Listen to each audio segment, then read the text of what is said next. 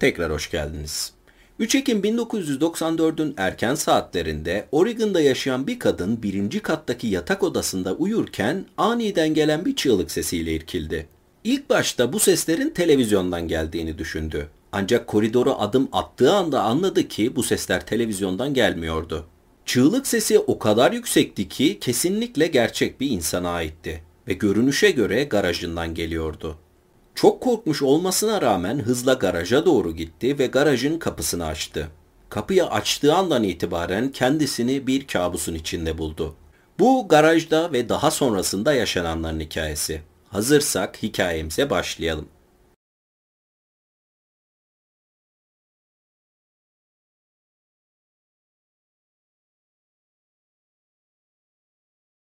1994 yılının Eylül ayının sonlarına doğru 18 yaşındaki Aaron, Oregon'daki bir kültür merkezinde dolu bir toplantı salonunun en önünde oturuyordu.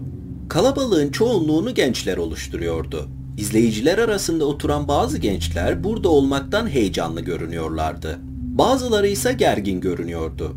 Ancak Aaron için salondaki dikkat çeken tek kişiler salonda hemen yan tarafında oturan genç erkek grubuydu.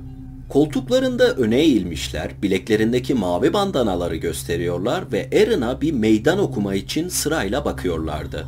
Aaron son bir yıl içinde bir çete karşıtı görev gücünde önemli bir üye haline gelmişti. Bu görev gücünü Mary Thompson adlı bir kadın yönetiyordu ve o da Aaron'ın hemen yanında oturuyordu.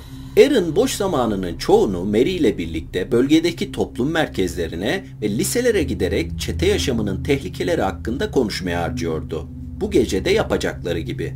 Aaron ve Mary'nin yaptığı konuşmalarda genellikle çeteye katılmayı düşünen ancak hayatta kendisi için daha iyi şeyler isteyen gençler, hayatlarını değiştirmeye çalışan eski çete üyeleri ve devlet tarafından işlediği suçlardan dolayı zorunlu katılım gösteren insanlar olurdu.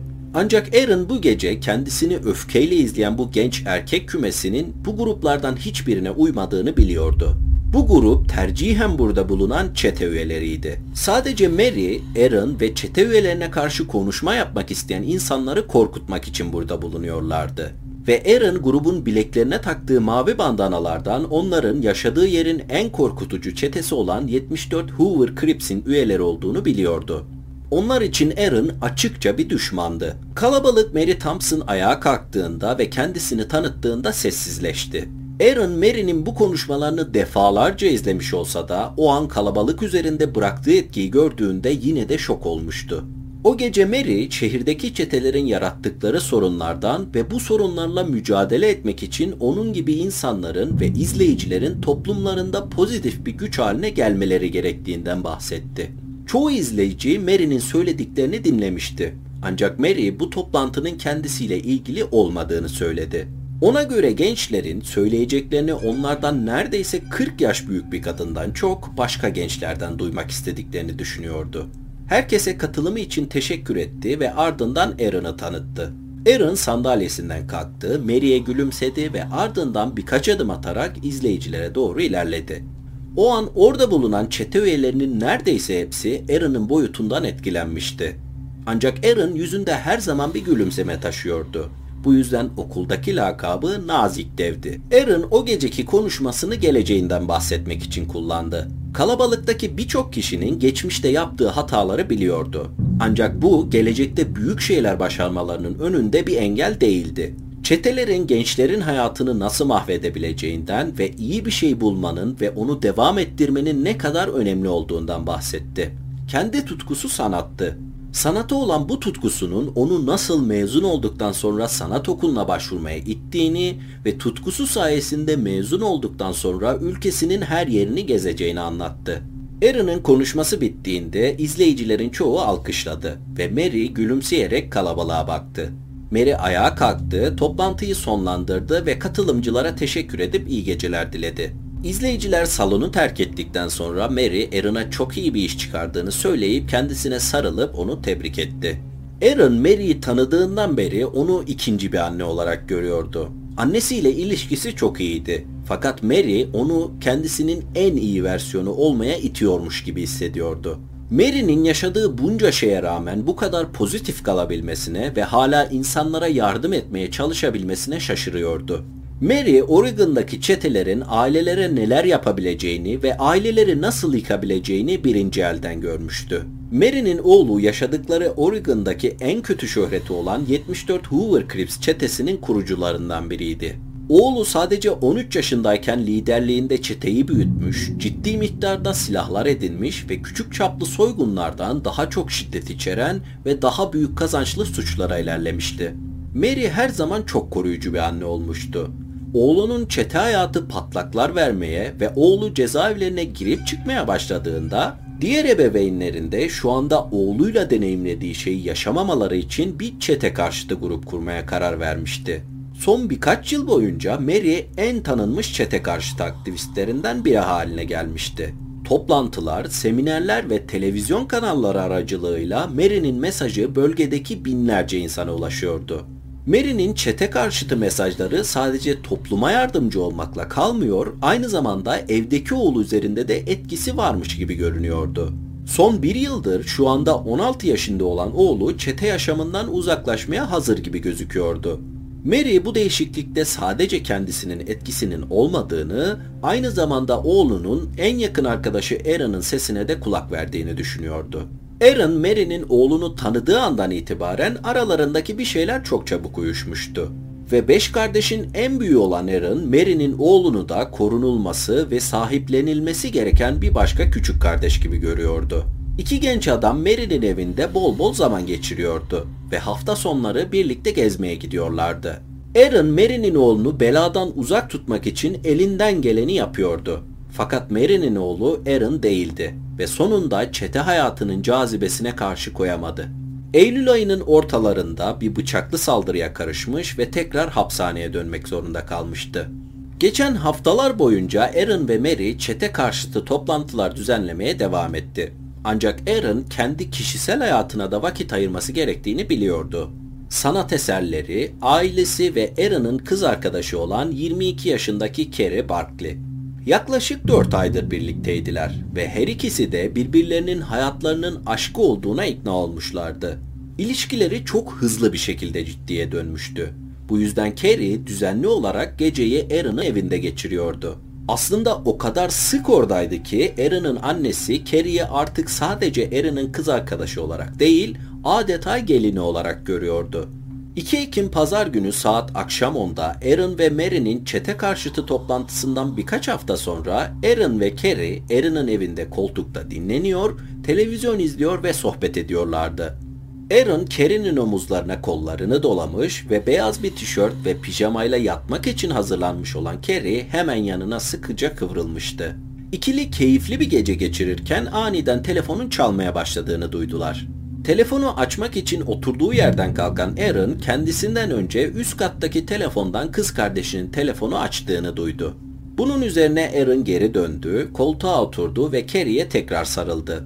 Ancak oturur oturmaz telefona bakan kız kardeşi oturma odasına geldi ve telefon eden kişinin kendisini sorduğunu, telefona çağıracağını söylediğinde ise telefonu kapattığını söyledi. Bu durumdan endişelenen kız kardeşi ise kendisine haber vermek için gelmişti. Aaron bunun önemli bir şey olmadığını, önemli ise arayan kişinin tekrar arayacağını söyleyerek kız kardeşini rahatlatıp odasına geri gönderdi. Ancak kız kardeşi oturma odasından çıktıktan sonra Aaron'ın yüzünde bir endişe belirdi. Birinin neden pazar gecesi geç saatlerde arayıp kendisini sorduğunu bilmiyordu. Yine de kız arkadaşı her şeyin yolunda olup olmadığını sorduğunda endişesini bir kenara bırakmış gibi davrandı. Kerry ile birkaç saat daha televizyon izledikten sonra Kerry uykusunun geldiğini söyledi. Bu yüzden televizyonu kapattılar ve yatağa gittiler. Yaklaşık bir saat sonra gece bir buçukta birinci katta uyan Aaron'ın annesi çığlık sesleriyle uykusundan uyandı. Yataktan kalkarken seslerin oturma odasındaki televizyondan gelmiş olabileceğini düşündü. Belki de Aaron ve Carrie uyumaya giderken televizyonu açık bırakmıştı. Ancak koridora adım attığı anda seslerin televizyondan gelmediğini anladı. Sesler garajdan geliyordu. Muhtemelen Aaron'ın odasından. Aaron'ın annesi korkmuş olsa da oğlu için endişelenerek koşarak garaja gitti ve garajın kapısını açtığı anda kendisi de çığlık atmaya başladı. Dönüp koşarak eve gitti ve 911'i arayıp yardım istedi. Birkaç saat sonra olay için haberdar edilen dedektif olay yerine geldi.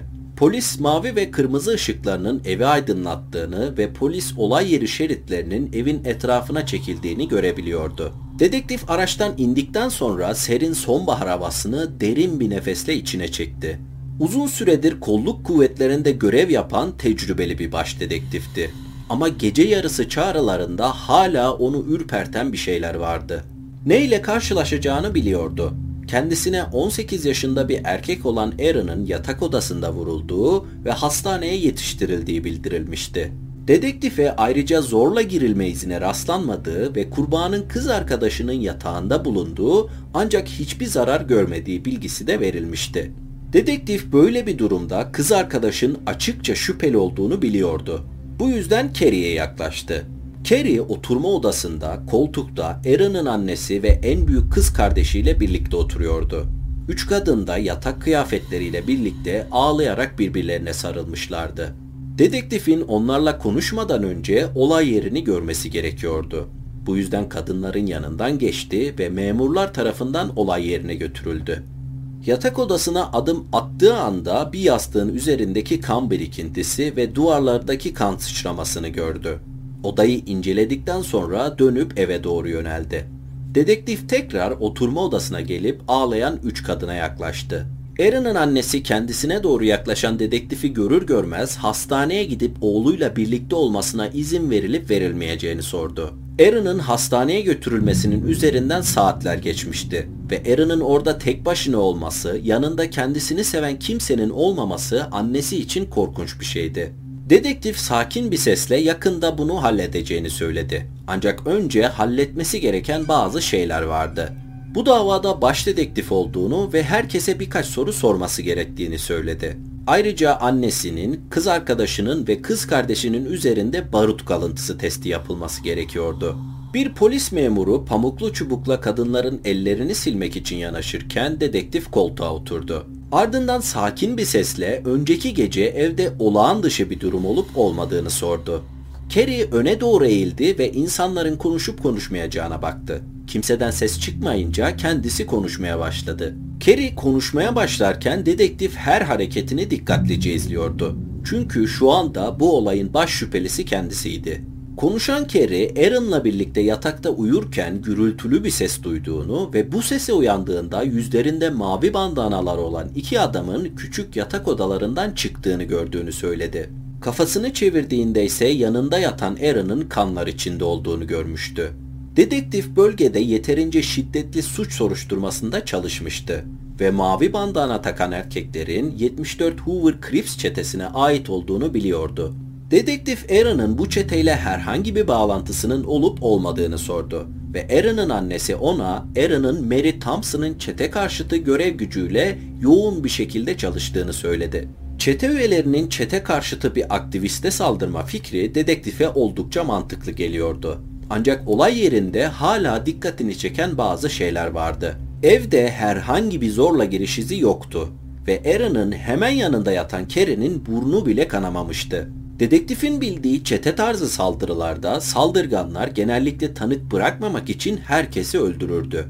Dedektif kadınlara verdikleri bilgiler için teşekkür etti ve Aaron'ın annesine ve ablasına birilerinin yakında gelip kendilerini alıp hastaneye götüreceğini söyledi. Ardından Kerry'e dönerek karakola gelmesi gerektiğini söyledi. Çünkü Aaron vurulduğunda kendisiyle birlikteydi ve muhtemelen polise sunabileceği çok daha fazla bilgi vardı. Dedektif ve Kerry karakola vardıklarında dedektif onu küçük, aydınlık bir odaya götürdü. Ardından siyah, ahşap bir masada karşısına oturdu. Kerry, Aaron'ın evinden aldığı bir battaniyeye sıkıca sarılırken dedektif tişörtündeki kan lekesini görebiliyordu. Dedektif Aaron'la olan ilişkisi hakkında sorular sormaya başladı. Sorunları var mıydı? Kavga ederler miydi? Ve birbirlerini seviyorlar mıydı? Kerry iyi anlaştıklarını, birbirlerine aşık olduklarını ve bir sorunları olmadığını söyledi. Ama dedektif ilişkileri hakkında sorular sormaya devam ettikçe Kerry kendisine şüpheli gözüyle bakıldığını anladı. Ve sonunda dayanamayıp dedektife gördüğüm iki bandanalı adamı neden aramıyorsunuz? Neden ilişkim hakkında sorular soruyorsunuz dedi. Dedektif Kerry'nin hayal kırıklığına uğradığını görebiliyordu. Bu yüzden konuyu değiştirdi. Yattıkları odada herhangi bir şeyin eksik olup olmadığını sordu.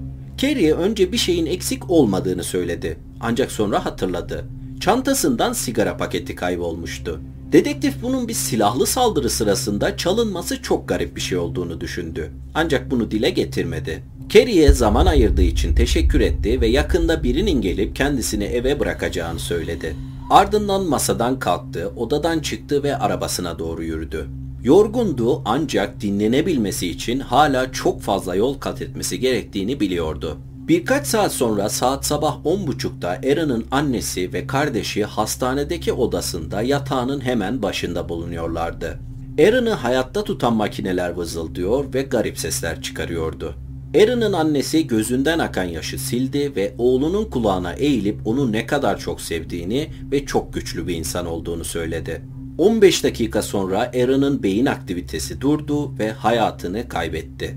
Aaron'ın ölümünden birkaç saat sonra dedektif arabasını Aaron'ın evinden birkaç kilometre uzakta bulunan bir evin önüne park etti. Dedektif Aaron'ın kız kardeşi, annesi ve Kerry'nin barut testlerinin negatif çıktığını öğrenmişti. Bu da onların yakın zamanda silah kullanmadıklarını ve muhtemelen cinayete karışmadıklarını gösteriyordu. Bu sonuçları öğrendikten sonra Kerry'nin hikayesine inanmaya başlamıştı. Bu yüzden Aaron'ın anti çete aktiviteleriyle ilgili en çok bilgi sahibi olan Mary Thompson'la konuşmak için evine gelmişti. Dedektif arabasından indi, Mary'nin ön kapısına giderek kapıyı çaldı. Birkaç saniye sonra kapı açıldı ve Mary dedektifi içeriye yönlendirdi. Mary Aaron'a ne olduğuna inanamadığını söyledi. Yaşadıkları yerde gençlere çok pozitif bir etkisi vardı ve anti çete çalışmasının çok önemli bir parçasıydı. Dedektif Mary'e çetenin kurucularından olan oğlunun Aaron'ın ölümüyle ilgisi olup olmadığını sordu. Mary hemen oğlunun Aaron'ın ölümüyle hiçbir ilgisi olamayacağını düşündüğünü söyledi. Ancak bunu söyledikten sonra ayağa kalktı ve odanın içinde dolanmaya başladı. Dedektif bu huzursuz davranışlarını fark etti ve hemen nasıl bu kadar emin olduğunu sordu. Mary oğluyla Aaron'ın çok yakın olduğunu ve zaten öldürüldüğü sırada da hapishanede olduğunu söyledi. Dedektif de onunla aynı fikirdeymiş gibi başını salladı. Ancak aslında suçların, özellikle çetelerin dahil olduğu suçların hapsedilen kişiler tarafından işlenebileceğini veya en azından planlanabileceğini biliyordu. Ayrıca annelerin genellikle oğullarını korumak için her şeyi söyleyebilecekleri gerçeğinin de farkındaydı. Dedektif sonunda Mary'e zaman ayırdığı ve verdiği bilgileri için teşekkür etti ve yardımcı olabileceği herhangi bir şey olduğunu düşündüğünde polise bildirmesini rica etti ve daha sonra evden ayrıldı. Sonraki birkaç gün boyunca dedektif çete üyelerini sorgulamaya çalıştı. Ancak hiçbiri konuşmaya istekli değildi. Çünkü o bir polisti. Ancak 6 Ekim'de yani cinayetten 3 gün sonra Mary dedektife büyük bir ipucu verdi. Mary'nin anti çete çalışmaları onu çete hayatından kurtulmaya çalışan birçok gençle temas haline sokmuştu. Bu gençlerden bazılarının hala çeteyle bağlantıları vardı. Ve bu gençlerden biri Mary'e okullarındaki birinin Aaron'ı öldürmekle böbürlendiğini anlatmıştı. Jim Elstead ve Joe Brown yıllardır Aaron ve kız kardeşiyle aynı okula giden iki genç erkekti. Bir zamanlar hepsi arkadaştılar. Ancak son zamanlarda Jim ve Joe çeteye büyük ölçüde dahil olmuşlardı. Şimdi ise bir anti çete aktivistini öldürerek değerlerini kanıtladıklarını böbürlenerek anlatıyorlardı. Polis Jim ve Joe'yu evlerinde buldu ve sorgulamak için karakola getirdi. Dedektif onlarla Kerry'i sorguladığı küçük odada buluştu. Tam karşılarına oturdu ve bir dakika boyunca onlara dik dik baktı. İkisi de ortalama boyda veya daha kısa görünüyor ve ikisi de 70 kilodan fazla ağırlığa sahip gibi görünmüyordu. Onlara baktıkça eğer yanlarında bir silah olmasaydı 1.95 boyunda ve 104 kiloda olan Aaron'ı öldüremeyeceklerini düşünüyordu. Sonunda dedektif sandalyesinde geriye doğru eğildi ve sakin bir şekilde okulda kendilerinin bu büyük adamı öldüren kişiler olduklarıyla böbürlendiklerini duyduğunu söyledi. Jim ve Joe gülümseyerek evet dedi ve Aaron'ı öldüren kişiler olduklarını söyledi. Dedektif şok içinde bakıp kaldı. Diğer çete üyeleriyle günlerce konuşmaya çalışmıştı. Ancak hiçbiri tek kelime dahi etmemişti. Şimdi bu iki çocuk çete bağlantılarını veya suçlarını hiç gizlemiyordu. Neler oluyordu? Dedektif öne doğru eğildi ve neden yaptıklarını sordu. Onlar da Aaron'ın anti çete faaliyetlerinin polisin çetelere bu kadar fazla dikkat etmesinin ana nedenlerinden biri olduğunu söyledi. Eğer Aaron'ı devirebilirlerse tüm anti çete birimini çökertmeye yardımcı olabileceklerini düşünüyorlardı. Dedektif ne kadar açık sözlü olduklarına inanamıyordu. Bu yüzden sormaya devam etti. Aaron'ı tam olarak nasıl öldürdüklerini açıklamalarını istedi. Ve yine tereddüt etmeden Jim ve Joe anlattı. Anlattıkları hikaye polisin Aaron'ın yatak odasında bulduğu delillerle ve Carrie'nin cinayet gecesi gördükleriyle uyuşuyordu. Jim ve Joe ayrıca dedektife Aaron'ı vurduktan sonra garajından çıkıp arabaya bindiklerini ve nehre gidip cinayet silahını suya attıklarını söyledi. Dedektif bir gün önce bir balıkçının su altından çıkardığı bir silahı teslim ettiğini hatırladı. Büyük olasılıkla o silah Jim ve Joe'nun nehre attığı silahtı. Jim ve Joe her şeyi anlattıktan sonra dedektif onları Aaron'ın cinayeti suçlamasıyla tutukladı. Ancak diğer dedektifler olayı bu kadar hızlı çözdüğü için kendisini tebrik ederken dedektif bir şeylerin yolunda olmadığından şüphelenmeye başladı. Bu çok kolay olmuştu. Jim ve Joe çete üzerindeki dikkati azaltmak için Aaron'ı öldürdüklerini söylüyordu. Ancak toplum tarafından fazlasıyla sevilen bir anti çete aktivistini öldürmek bunun tam tersini yapmaktı. Yani çete neden böyle bir şey yapardı? Bunu kim onaylardı? Her şey tamamen karma karışık gibi görünüyordu. Ve kısa süre sonra dedektifin şüphelerinde haklı olduğu ortaya çıktı. Jim ve Joe tutuklandıktan çok kısa bir süre sonra Aaron'ın annesi çok tuhaf bir telefon aldı. Ve bu tuhaf görüşmeyi dedektife anlattığında dedektif aklına bile gelmeyen bir ihtimali değerlendirmeye başladı. Aaron'ın annesinin aldığı tuhaf telefona ve sonrasında soruşturmada bulunanlara göre 3 Ekim 1994 günü Aaron'ın başına gelenler şu şekilde. 3 Ekim 1994'te bir genç kız yatak odasında oturuyordu. Bir elinde esrar ve bir elinde telefon vardı.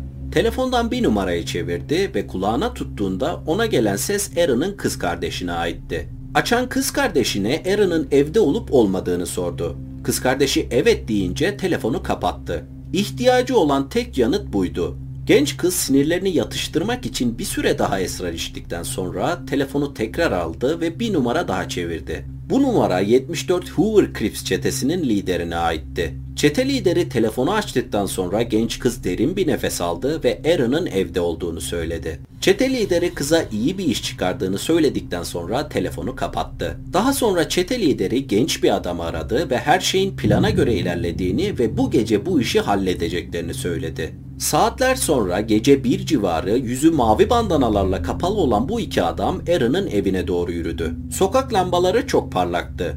Bu yüzden hızlı hareket ettiler ve ışıklardan uzak durmaya çalıştılar. Aaron'ın evine ulaştıklarında önündeki sokakta durdular ve tüm ışıkların kapalı olup olmadığını kontrol ettiler. Işıklar kapalıydı.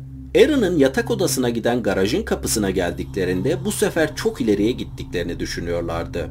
Ama çete lideriyle ters düşmemek için bunu yapmak zorunda olduklarını da biliyorlardı. Sonunda birbirlerine başlarını sallayarak garaja doğru yürüdüler. Garaj kapısı açıktı. Mümkün olduğunca az ses yaparak garaj kapısını kaldırdılar. Garaj kapısını kaldırıp içeriye girdikten sonra Aaron'ın geçici yatak odasının bulunduğu bölüme ilerlediler. Aralarından birinin dikkatini Carrie'nin çantası çekti.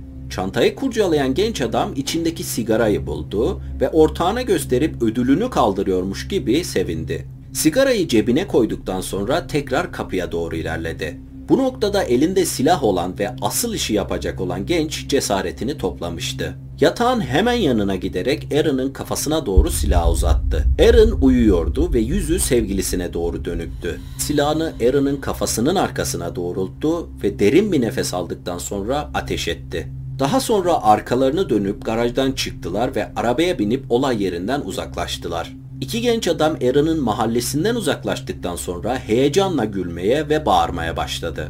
Ardından mavi bandanalarını indirdiler. İkisi de rahatlamıştı çünkü çete lideri tarafından verilen işi sorunsuz bir şekilde halletmişlerdi.